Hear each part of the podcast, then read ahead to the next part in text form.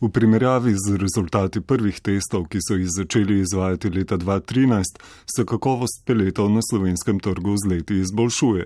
Toda letošnji rezultati so spet nekoliko razočarali. Doktorica Nike Kranc z Gozdarskega inštituta Slovenije. V Sloveniji imamo dinamičen trg z lesnimi peleti. Na eni strani imamo okrog 20 slovenskih proizvajalcev, so relativno mehni proizvajalci, na drugi strani imamo pa tudi um, zelo velik uvoz, tako iz Romunije, Hrvaške, Bosne in Hercegovine in tudi drugih držav. Zdaj, vsi peleti, ki pridejo na slovenski trg, nimajo um, certifikatov kakovosti ali pa nekih tržnih znamk, ki bi zagotavljali kakovost, in um, ker zadeva ni regulirana, ni predpisano kakšen certifikat bi proizvajalec mogel imeti, oziroma ni predpisano, kakšna kakovost pelet lahko pride na trg, seveda pridejo na trg različni peleti. Še vedno se najdejo um, primeri, kjer kakovost ne ustreza tistim, kar je navedeno na vreči, oziroma um, celo ne ustreza nebenem kakovostnemu razredu. Boštjano Korn iz Zveze potrošnikov Slovenije. Pri enem od vzorcev smo odkrili, da je eh, dejansko bilo preveč prahu, če tako rečem, peleti so bili razpadli, um, distributer uh, se je tudi že povezal z nami in nam nekako razložil, da smo kupili stare pelete. Kar seveda ni noben razlog, da jih ne bi testirali oziroma objavili rezultatov testa. Eh, ti peleti so bili prosto v prodaji in bi jih lahko kupil tudi eh, potrošnik. Eh, spet smo tukaj pri odgovornosti proizvajalca, prodajalca, da ve, koliko časa lahko skladišči pelete in če nekako jih v tem času ne proda, da jih umakne iz prodaje. Med letošnjim testiranjem kar šest vzorcev ni ustrezalo deklariranemu razredu. Ki so pa pač padli razred niže, če tako rečem, večina iz A2 v B kar je pa lahko že kritično, ker to je pa tista meja, če lahko rečemo, da A2 pa še kar uporabljate, eh, pa recimo pri razredu B zaradi velikega preostanka pepela eh, tega razreda nekako ne priporočamo. Nekateri proizvajalci pelete označujejo kar sami. Se pravi, da napišejo samo, eh, da ima manj kot določen odstotek vode, manj kot določen odstotek pepela, ampak tukaj gre večinoma za neke trditve, ki jih je težko nadzirati, oziroma moramo proizvajalcu res zaupati. V zadnjih letih se je pojavil še certifikat uh, distributerja oziroma prodajalca, ki pa je po našem mnenju zavajajoč, uh, kajti v resnici, pa čeprav je nalepljen, bom rekel, na vrečo s peleti, ne določa kakovosti peletov, ampak ta certifikat samo določa, da prodajalec, distributer pravilno skladiščita, pravilno transportirata, pravilno skrbita storitev, če nasplošno rečem za pelete, ki pa so lahko različne kakovosti. Zato je ta certifikat strani uh, potrošnika lahko zavajoč. V Evropi ste najbolj znani predvsem dve schemi, na kateri se lahko zanesemo. N plus in pa DIN plus, eh, praktično ste si podobni, eh, vsi parametri, najbolj pomembni parametri so si enaki, s tem, da je DIN plus, bom rekel, bolj razširjen v nemško gorečih državah, N plus pa recimo v Italiji in drugot. Na drugi strani uh, se je tudi Gozdarski inštitut Slovenije odločil, da uh, za svojo certifikatsko schemo, ki nekako ne konkurira tema dvema, ampak dejansko omogoča manjšim slovenskim proizvajalcem, da pridejo do neke označbe, uh, ki je tudi, bom rekel, nadzirana. Eh, kajti eh, vstop v certifikatsko schemo M plus ali DIM plus je sorazmerno drag eh, in si ga manjši proizvajalci, kakršna je večina slovenskih, težko privošči. Na trgu pa se pojavljajo tudi ponarejeni certifikati. Ja, v našem primeru je bil certifikat, ki je natisnjen na vreči peletov, ki uh, pač niso uvrščeni v noben kakovostni razred, dejansko brez številke in pa kode države, torej gre pravzaprav za ponaredek certifikata, ki naj bi pokazal, da so ti peleti v uh, najboljšem kakovostnem razredu, čeprav niso. V Sloveniji smo še daleč od rezultatov, ki jih dosegajo v državah z najvišjo kakovostjo peletov na trgu. Nike Kranc. Cilj bi bil, da bi bila večina pelet tam po mojem 90% v A1 in A2. Tako da jaz bi si želela, da bi um, do leta 2020 mogoče prišli do tega podobnega stanja, kot imajo na švedskem, kjer je večina pelet, se pravi več kot 90% v teh najvišjih kakovostnih razredih.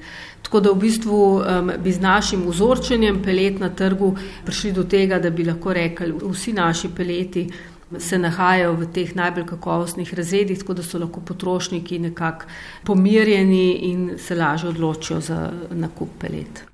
Tako pa se kupci odločajo na podlagi različnih kriterijev, nekateri celo na podlagi barve.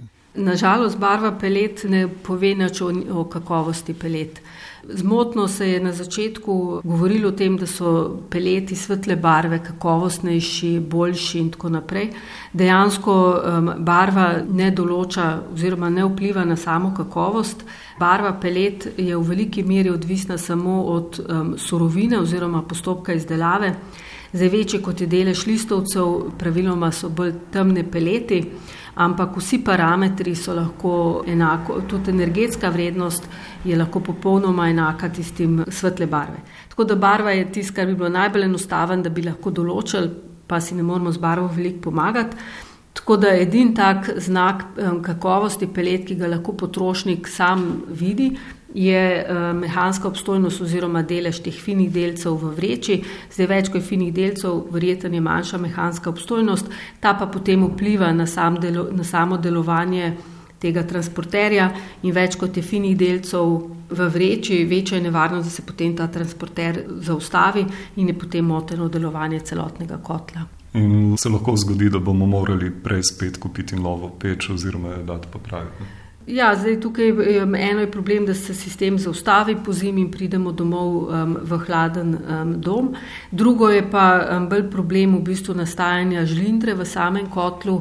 Um, ta pa v bistvu nakazuje na slabše delovanje celotnega sistema in um, slabšega izgorevanja.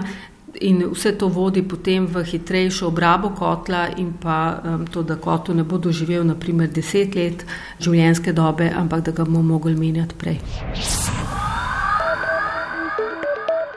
V Sloveniji torej naraščata tako proizvodnja kot poraba lesnih peletov. V bistvu v zadnjih pet, um, petih letih ugotavljamo, da je ta prehod iz kurilnega olja na druga lesna goriva in pa tudi na druge energente zelo intenziven. Tukaj eh, je pomemben dejavnik eh, cena kurilnega olja, pa upam, da je tudi ozaveščanje potrošnikov um, oziroma uporabnikov, da prehajajo na okolju prijaznejše oblike ogrevanja. Ko so začeli ljudje kuriti oziroma prehajati iz olja na pelete, je velika večina zamenjala samo gorilnik. To je seveda bila nizka investicija v sorazmerno cenejše gorivo, eh, potem eh, je prišlo seveda še to, da je to fino, ker je eh, naše gorivo, ker je to biolesna masa in tako naprej. Ampak izkazalo se je, da je zaradi tega pač tudi nekaj več težav z rakom. Zdaj, v zadnjih letih je seveda več ljudi pač kupilo tudi bolj kakovostne peči, ki vendar stane uh, tudi 10 in več tisoč evrov. Ampak uh, v glavnem gre za razvoj trga, ki je iz neke, bom rekel, hitrega preskoka na novo gorivo, začenja spoznavati.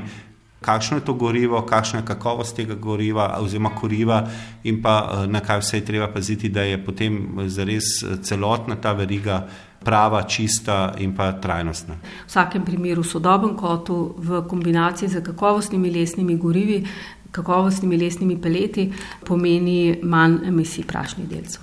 Kakovost peletov na trgu ni regulirana, kot pojasnjuje Nike Kranc, Slovenija pri tem ni izjema. Praviloma za lesna goriva ni predpisov, kaj sme prideti na trg. To regulirajo sami potrošniki s tem, kaj kupijo, kaj ne kupijo oziroma um, delno je to lahko regulirano preko um, proizvajalcev kotlov, ki že predpišejo, kakšen kakovostni razred pelec mora uporabnik uporabljati, če želi, da mu garancija na korilno napravo velja celotno obdobje. Bi morala tu, naprimer, inšpekcija imeti večjo vlogo? Eh, tukaj ne gre za državne certifikate. Uh, jaz mislim, da uh, inšpekcija bi mogoče lahko ukrepala, če bi šlo za potvorjanje certifikatov, ampak tudi v tem primeru bi morala to inšpekcije prijaviti družba, ki podeljuje certifikate. To so, bom rekel, zasebni certifikati, zasebni inštituti, ki imajo svojo schemo, kako preverjajo in podobno. Skratka, tukaj je stvar bolj na ravni proizvajalec in pa tisti. Ki podeljuje certifikate kot naravni proizvajalec država. Zato imamo zelo pomembno vlogo tudi kupci. Če ne bomo sami poskrbeli za to in preverili, kaj kupujemo, in se naprimer samo naslanjali na ponujeno ceno, potem bo zelo težko urediti ta trg. Če je le možno, se odločimo za A1, eh, seveda pa je potem spet eh, tukaj vprašanje cene. A2 je namreč še vedno dovolj kakovosten, eh, le nekoliko več preostanka pepela bo, ampak ta preostanek še vedno ni kritičen. V trgovini v vreči, absolutno, če je veliko prahu, če je veliko krajših peletov, potem je veliki indikator, da gre za slabo vrečo in takšne absolutno ne kupiti. Lahko da je druga vreča istega proizvajalca boljša ampak takšne je z veliko prahu pa ne kupiti. Vsekakor moramo ob nakupu zahtevati prave, dobro vidne in transparentne informacije. Ob tem je treba povdariti, da je še večji problem od kakovosti peletov kakovost drv. Če 40% gospodinstv uporablja les kot energent, predvsem v obliki drv, in tukaj, pa seveda, tukaj so pa razmere mal teže obladljive ugotavljamo, da čez 50% uporabnikov drv, um, drva pripravi sam in sicer v Sloveniji imamo več kot 75% gozdov v zasebni lasti in lasniki gozdov drva same pripravljajo zase tudi za širšo družino in tudi ponujajo na trgu. Obstajajo tudi standard kakovosti za drva, ampak nažalost nimamo certifikata še za drva. Um, zato na Gozdarskem inštitutu Slovenije razmišljamo, da bi to tržno znamko E4Q, ki je trenutno samo za pelete, razširili tudi za drva in sekance in na ta način poskušali promovirati tiste proizvajalce drv, ki imajo nekje urejen sistem proizvodne in tudi nekako spremljajo osebnost vode. Ker pri drveh je pa ključna lasnost, je osebnost vode in pa ohranjenost lesa. Zdaj pojavljajo se na trgu tudi zelo enostavni merilci vsebnosti vode. In eh, jaz bi priporočila vsakmu, ki uporablja drva in drv sam ne pripravlja, da um, si kup tak merilnik in potem preveri, kaj mu v bistvu pripeljejo na dom. Ali pa da drva kup vsaj pol leta prej in jih skladišči na zračni suhi lokaciji, da ima potem ustrezno suha drva na začetku korilne sezone. Tudi od tega bo odvisno, kakšen zrak bomo dihali. Doktorica Simona Pečič z Nacionalnega inštituta za javno zdravje. Ker uh, so od kakovosti odvisni elementi, ki nastajajo pri uh, gorjenju lesa, to so predvsem trdi delci. Trdi delci so kvarni za naše zdravje in čim manjši so delci, tem bolj je njihov učinek kvaren na zdravje. Torej, ultradelci uh, ali nanodelci, ki so najmanjši, so tudi za naše zdravje najbolj škodljivi. Že dolgo je znano, da povzročajo bolezni srca in ožilja ter dihalna obolenja, uh, medtem ko nekoliko novejše so pa spoznanja, da vplivajo tudi na bolezni centralnega žilčnega sistema in pa tudi povzročajo sladkorno bolezen tip 2, tako pri otrocih kot pri odraslih. Uh, zdaj, mnogo mehanizmov še ni znanih, bodo potrebne še nadaljne raziskave, uh, so pa znane za centralni žilčni sistem, recimo Alzheimerjeva bolezen, Parkinsonova bolezen, druge nevrodegenerativne bolezni, pa tudi odlagajo se v strukturah v možganih, ki so odgovorni za kognitivne funkcije, za učenje, za spomin, za vedenje.